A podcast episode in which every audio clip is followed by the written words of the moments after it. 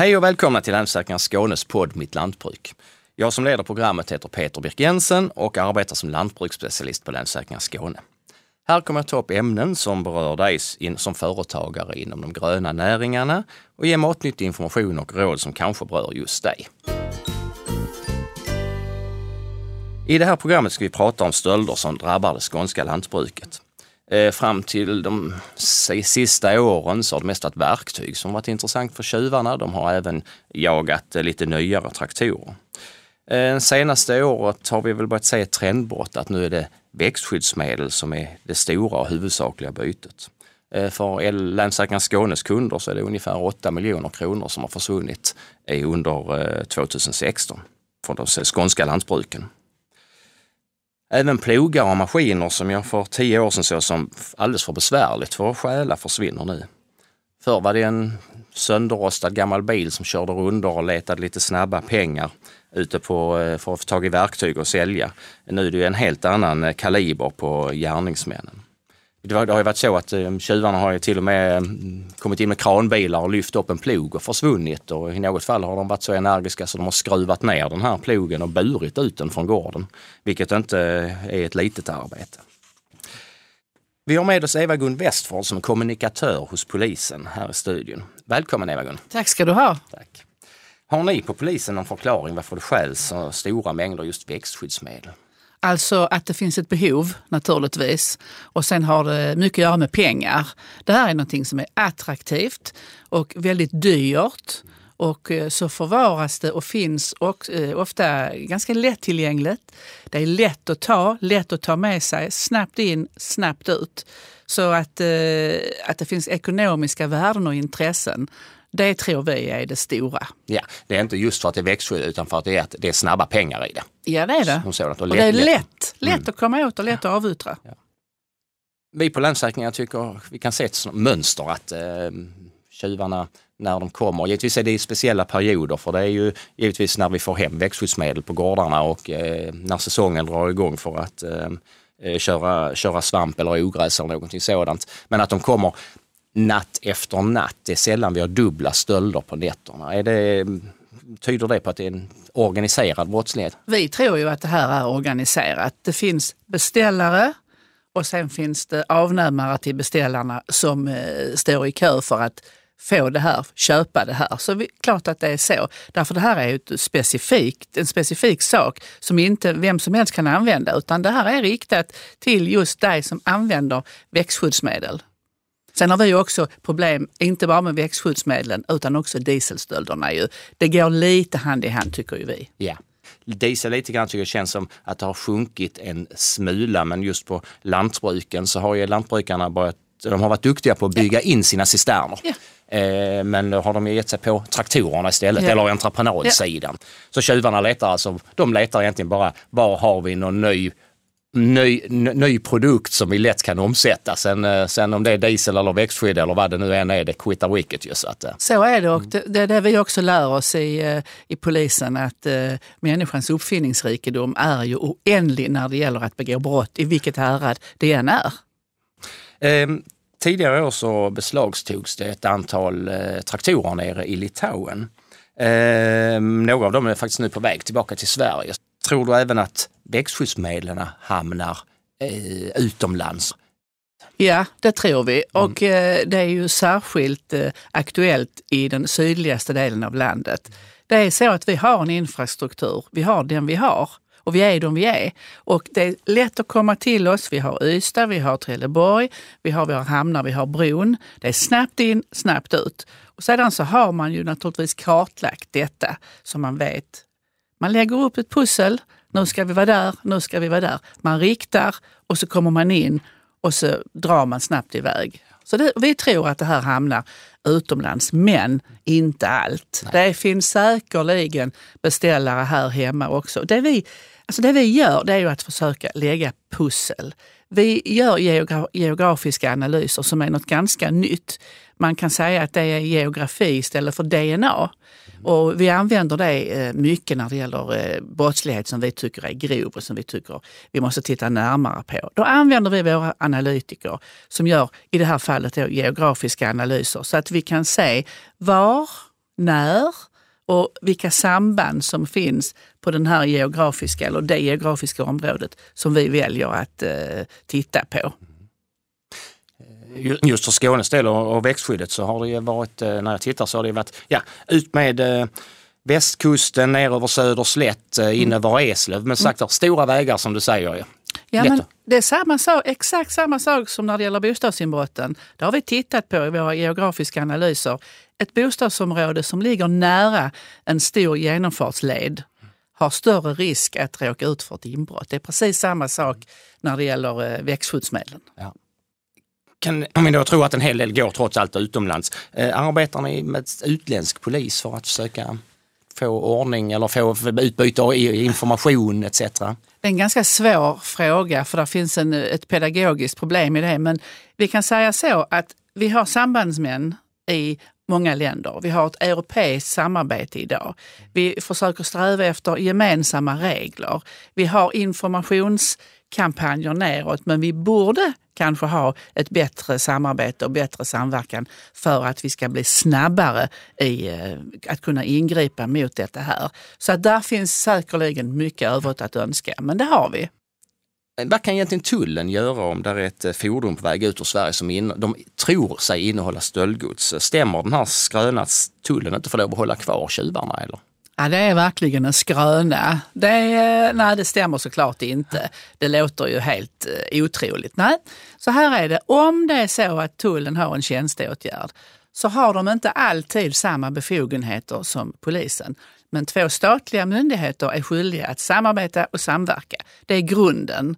Så är det så att de eh, upptäcker någonting, då alertar de ju polisen direkt och vi har direktkanaler in, i det här fallet i syd, ledningscentralen, regionledningscentralen och pratar med regionvakthavande befäl som i sin tur då sätter igång oss. Och då kommer vi till platsen och samverkar.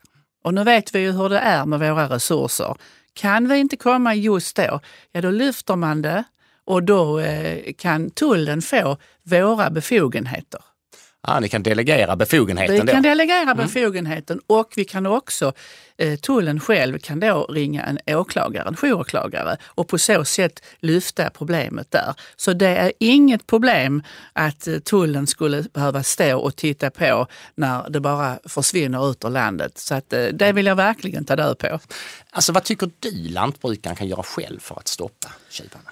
Eller stölderna, stölderna ja, överlag? Jag förstår. Alltså, allting handlar i min värld om ömsesidighet.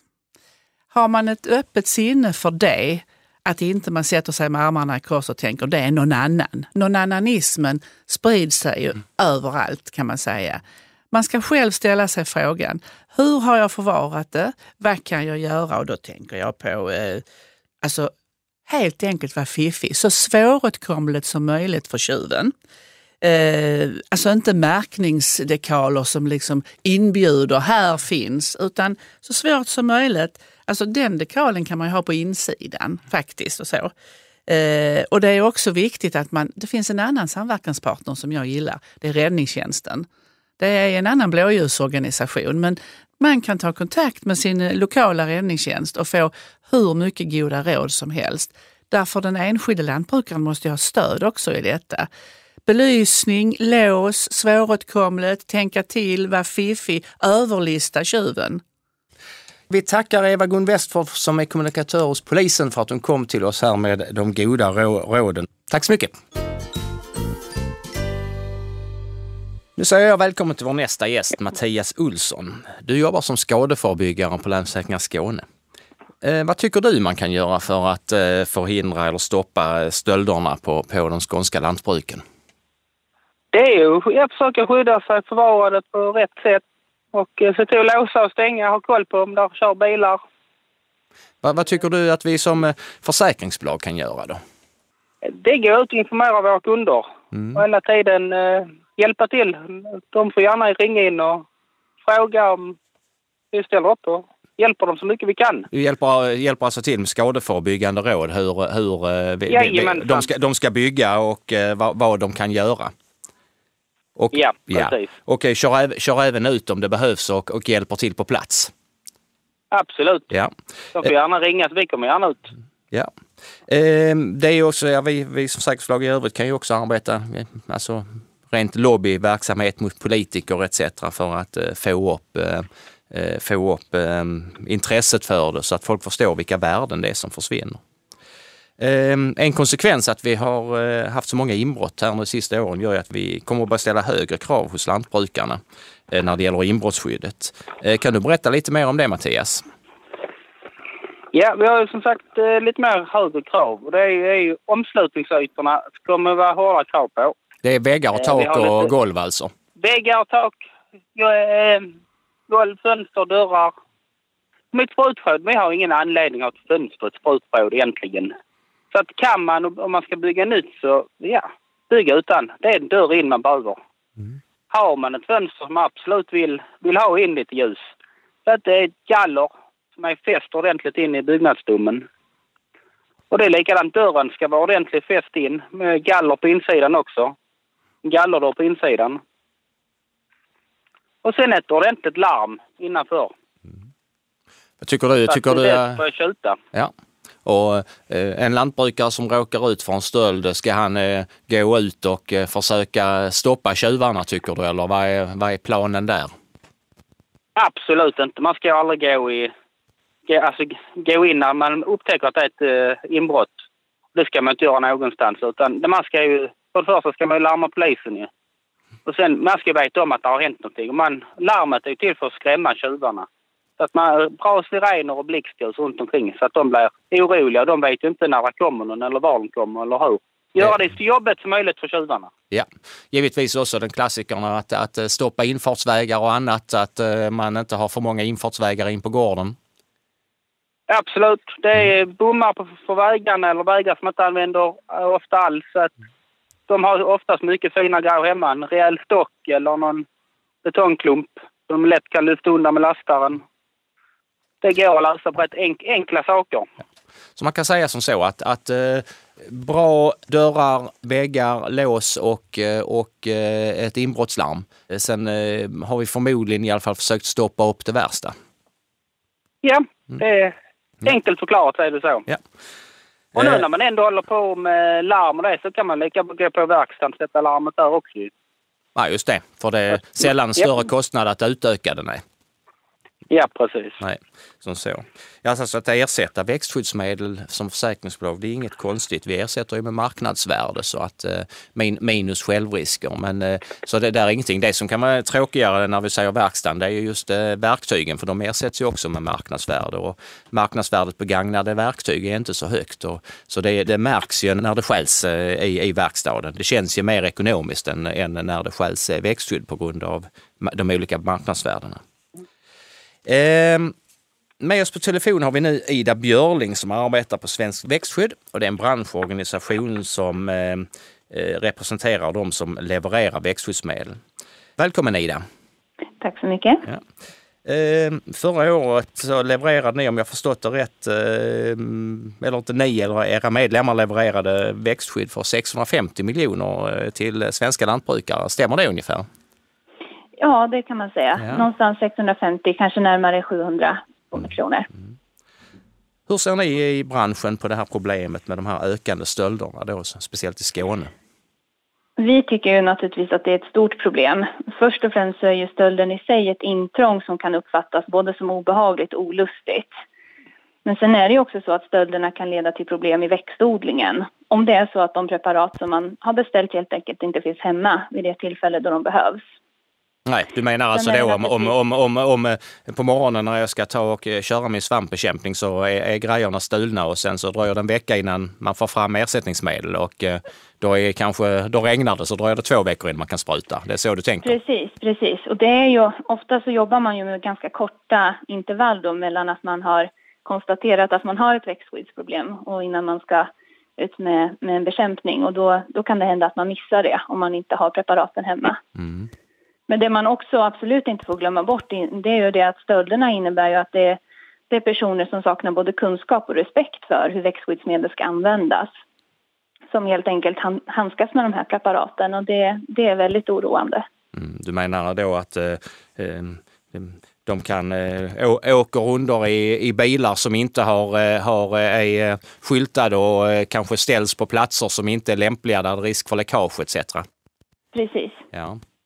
Då, eh, för min annan tanke jag hade, det var om det gick att märka växtskyddsmedlen redan från eh, fabriken eh, med till exempel DNA eller någonting sånt som skulle försvåra eh, omsättningen av stulna, stulna medel. Eh, Nej, det är inte vad jag känner till. Men om man tänker på just märkning så är ju det någonting som man absolut teoretiskt skulle man, man säkert kunna göra det. Även om det finns en hel del frågor som man behöver lösa då. Jag tänker till exempel på spårning, hur det ska fungera i ledet tillverkare, distributör, slutkund. Men det man inte får glömma bort just med märkning av växtskyddsmedel det är att det kan, ja, man kanske kan tänka sig att det lockar en tjuv till att byta förpackning och det innebär en jättestor risk för spill och läckage. Mm. Så du menar då, alltså, om, vi, om vi skulle då till exempel typ DNA-märka dunkarna alla dunkar som kom till Sverige, alla förpackningar som kom till Sverige skulle vara DNA-märkta. Ja, då skaffar eh, tjuvarna en eh, fabrik som tar och dunkar om det istället menar du?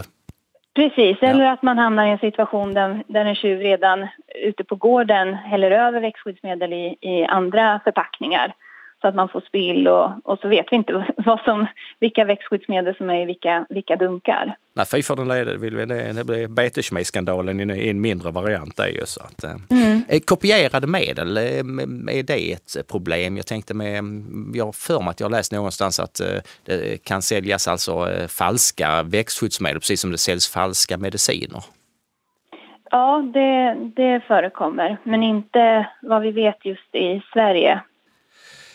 Då tackar vi Mattias Olsson från Länsförsäkringar Skåne och Ida Björling från Svenskt Växtskydd för deras medverkan. Tack så mycket och hej då! Varje år delar Länsförsäkringar tillsammans med LRF Ungdom ut ett pris till en duktig ung lantbrukare. Eh, det går fortfarande att nominera till 2017 års pris som delas ut i mars nästa år. Sara Hellstrand från LRF Ungdom är med i juryn för, en, eh, för Ung Växtkraft och är med oss här på telefon. Eh, välkommen Sara! Tack så mycket! Mm. Eh, vilka kriterier behöver man uppfylla för att eh, komma i fråga för det här priset Ung Växtkraft? Ja, det vi tittar på är ju att företaget kännetecknas av ett entreprenörskap, att man vill utvecklas och driva landsbygdens företag vidare och ett nyskapande. Och sen är det viktigt att man är under 36 och medlem i LRF. Det är också, där följer jag till att börja med. I alla fall eh, på, på eh, under 36 då som sådant. Ja, så att, eh, hur, hur många nomineras varje år? Förra året så var det ett 50-tal som kom in från, från början då, innan vi började sortera och välja ut de som var bäst. Vad går man på eller det är, hur pass spännande idé de har? Ja, och hur hållbart det låter mm. och, och att det låter som att det verkligen är ett företag som, som är både hållbart och, och, att det är en ung som verkligen vill det här och satsar på det. För när man lyfter, lyfter de här stipendiaterna då så är det ju för att man ska skapa attraktionskraft och visa på att det verkligen går att eh, hålla på med de gröna näringarna fortfarande. Förra årets vinnare blev Malin Gustafsson. Eh, vad gjorde ni att ni valde henne? Malin är ju väldigt unik. Hon är ju, dels är hon jättedriven i sitt företagande och med sina mjölkkor så vi fick ju väldigt bra känsla av hennes, av hennes företag och sen är hon ju duktig på att sprida budskapet om, om vad det innebär att vara lantbrukare idag eh, ut till, till allmänheten vilket också var någonting som, som vi vägde in väldigt tungt. Vi har även med oss Malin här. Eh, grattis Malin får vi säga så här i efterhand och välkommen. Tack så mycket. Ja. Kan du berätta lite grann om din verksamhet? Eh, jag har eh, 90 ekologiska mjölkkor och eh, lika många yngre djur. Och eh, just nu så håller jag på att sätta in en mjölkningsrobot. Så att det ligger full fokus där. Eh, hur många anställda är ni i företaget eller är det du ensam som, som driver det? Jag är ensam som driver det. Sen har jag en anställd tjej som mjölkar och sen har jag pappa som hjälper till. Eh, vad, tror du, vad tror du är det som gör dig eh, till en eh, bra företagare? Jag hoppas väl att det är för att jag är driven och intresserad och eh, gärna sprider budskapet om vad vi gör inom de gröna näringarna. Mm. Och att lantbruket är, ingen, det är inget hemligt vi håller på med utan vi producerar mat och folk är mer än välkomna att se hur det går till. Eh, vad, vad, har, vad har priset betytt för dig? Alltså det är jättehäftigt att få den uppmärksamheten. Mm. Och eh, man får ju verkligen ett lyft i sitt eget företagande. Man känner att, eh, att det är någon som, som ser mig. Här hemma känner man sig ganska ensam ofta. Man jobbar ju själv och sådär att eh, det är fler som tycker att mitt jobb är viktigt. Ja, jag kan inte själv säga någonting om just mjölkning, för jag tror inte jag har mjölkat sedan Svalövs lantbruksskola 1985 och det var för att jag varit nödd och tvungen därtill som sådan. Så att eh, det är, det är, jag lyfter på hatten för den energin. Eh, Sara, om vi går tillbaka till dig, kan du berätta lite grann hur man gör för att nominera till någon till priset? Mm, man kan gå in på länsförsäkringar.se snedstreck växtkraft och där finns ett eh, formulär som man fyller i med sina kontaktuppgifter och vem man vill nominera och varför man vill nominera nera den här tjejen eller killen. Eh, och det här kan man göra fram till den 15 januari nästa år. Så det finns fortfarande gott om tid att nominera. Mm. Och det finns ju många bra kandidater där ute tror jag. Ja, just det. Och det var, man skulle vara LRF-medlem och under 36 år. Det var det ja. som var, var grundkravet som sådant, ja. Precis. Ja. Och man ska ha ett företag igång. Ja. Och, och hur stort är priset? Hur, ja, 50 000 får man ju.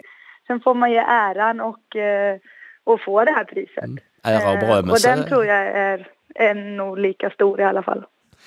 Då tackar vi Sara och Malin för att ni var med, med i programmet och önskar en fortsatt trevlig dag här. Tack så mycket. Mm. mycket. Idag har vi pratat om den oroande ökningen av växtskyddsstölder på de skånska gårdarna och vad man kan göra för att skydda sig bättre mot inbrott. Eh, vi kommer att ställa en del nya krav för att försöka stävja det här och eh, alla våra kunder kommer att bli informerade här under december till januari om hur, vilka kraven är. Eh, det går givetvis även att hitta via vår hemsida. Om jag bara ska dra det lite kort så har man för mindre än 90 000 kronor hemma i sitt lager så är det dagens krav. Det är låst enligt, med klass 3 eh, lås enligt Svenska stöldskyddsföreningen och eh, stabila och rejäla dörrar och väggar. Eh, har man för mer hemma än 90 000 kronor i sitt lager så kommer vi att ställa högre krav. Eh, det är att utrymmet är larmat med till exempel ett trådlöst larm. Eh, att eh, dörrar och eh, väggar uppfyller något som heter ehm, skyddsklass 2. Eh, vilket är då att det kan behöva förstärkningar med olika brytskydd etc. Mer går att hitta på vår hemsida och eh, även så kommer vi skicka ut informationen till samtliga våra lantbrukskunder i Länsförsäkringar Skåne. Nu tar vi julledigt, men nästa år kommer mitt lantbruk tillbaka. Då ska vi bland annat prata om bränder, skadedjur och vårbruket förstås. Du kan prenumerera på mitt lantbruk via iTunes, de vanliga Android-spelaren. Du kan även gå in på vår hemsida lansforsakringar.se skane mittlantbruk. Tack och hej från mig som heter Peter Birkensen.